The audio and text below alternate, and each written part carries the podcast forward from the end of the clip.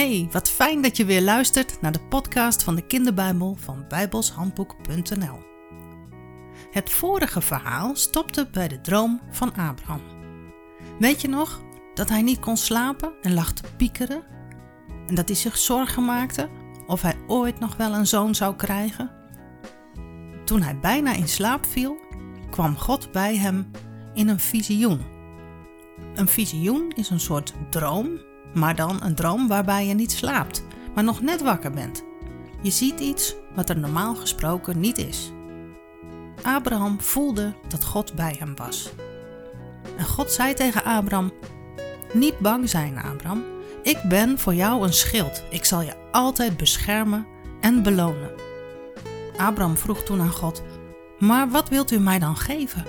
Ik zal sterven zonder kinderen, want Sarai en ik worden nu wel echt heel oud en we hebben nog steeds geen kinderen. Toen nam God Abraham mee naar buiten en hij zei tegen hem: Kijk eens omhoog, naar de hemel, en probeer de sterren maar eens te tellen. Abraham keek omhoog. Het was een hele heldere nacht en de hemel was vol met heel veel sterren. Zoveel dat Abraham ze echt niet kon tellen. En God zei: Zoveel sterren als jij ziet, Zoveel familie zul jij in de toekomst krijgen. En dat begint bij jouw eigen zoon. Abraham werd rustig en hij geloofde deze belofte van God. Hij geloofde God. En omdat hij God geloofde, was God heel blij met Abraham. Want geloof, dat is wat God wil. Dat geldt ook voor jou en mij. Als wij vertrouwen op God en zijn woord en de beloften, dan is God ook blij met ons. De volgende ochtend kwam God nog een keer bij Abraham. En nu zei God tegen hem: Ik ben de Heer en ik heb jou uit Ur der Galdeën gehaald, omdat ik jou dit land wilde geven. God gaf het land aan hem tot een erfenis, staat in de Bijbel. Abraham vond dat natuurlijk geweldig en hij vroeg aan God: Maar Heer, hoe kan ik zeker weten dat het van mij zal zijn? Abraham vroeg God dus eigenlijk om een teken dat die belofte ook echt uit zou komen. Als antwoord kreeg hij van God een opdracht. Hij moest een aantal dieren slachten. Abraham deed gehoorzaam wat God van hem gevraagd had. Hij sneed de dieren in tweeën en legde de helften tegenover elkaar. En die nacht zag Abraham een oven waar rook uit kwam en een brandende fakkel die tussen de helften van de dieren doorging. Dat was een teken. Het teken van God dat hij zich aan de belofte zou houden. God sloot die nacht een verbond met Abram.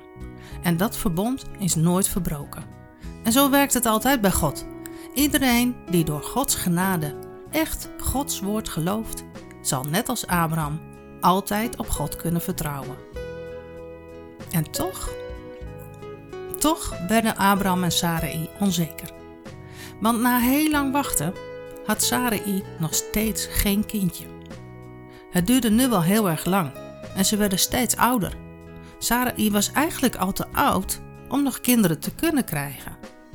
En daarom zei Sarai tegen Abraham: Misschien wil God het wel anders.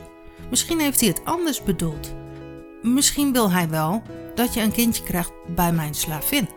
Misschien moet je haar als bijvrouw nemen. Als zij dan zwanger wordt, zal het kindje van ons zijn. Abraham dacht na. Heel diep. En toen knikte hij. Misschien had Sarai wel gelijk. Het kon toch ook eigenlijk niet anders? Abraham nam Hagar tot bijvrouw. En het ging zoals ze hoopten dat het zou gaan. Hagar werd zwanger. Zou God dan echt door Hagar het beloofde kind willen geven? Toen Hagar ontdekte dat ze zwanger was, werd ze heel trots. Maar opeens durfde ze ook meer. Ze werd zelfs wat brutaal.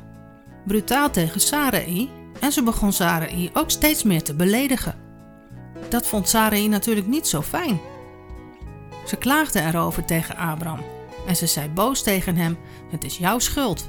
Het is jouw schuld dat Hagar mij nu steeds beledigt. Ik heb haar aan jou gegeven als bijvrouw maar nu ze weet dat ze zwanger is, maakt ze mij belachelijk, omdat ik geen kinderen kan krijgen. Daar moet je toch echt iets aan doen, Abraham? Dat was natuurlijk helemaal niet eerlijk van Sarai en dat wist Abraham ook wel. Toch zei hij tegen haar: Hagar is jouw slavin, beslis jij zelf maar wat er met haar moet gebeuren. Toen begon Sarai ook lelijk te doen tegen Hagar. Ze liet Hagar de vervelendste klusjes opknappen en ze vernederde haar zo erg dat Hagar bang werd. Ze hield het niet meer uit. Ze vluchtte weg de woestijn in. En hoe dat verder afloopt, hoor je de volgende keer in weer een nieuw verhaal. Luister je dan ook weer? Tot dan!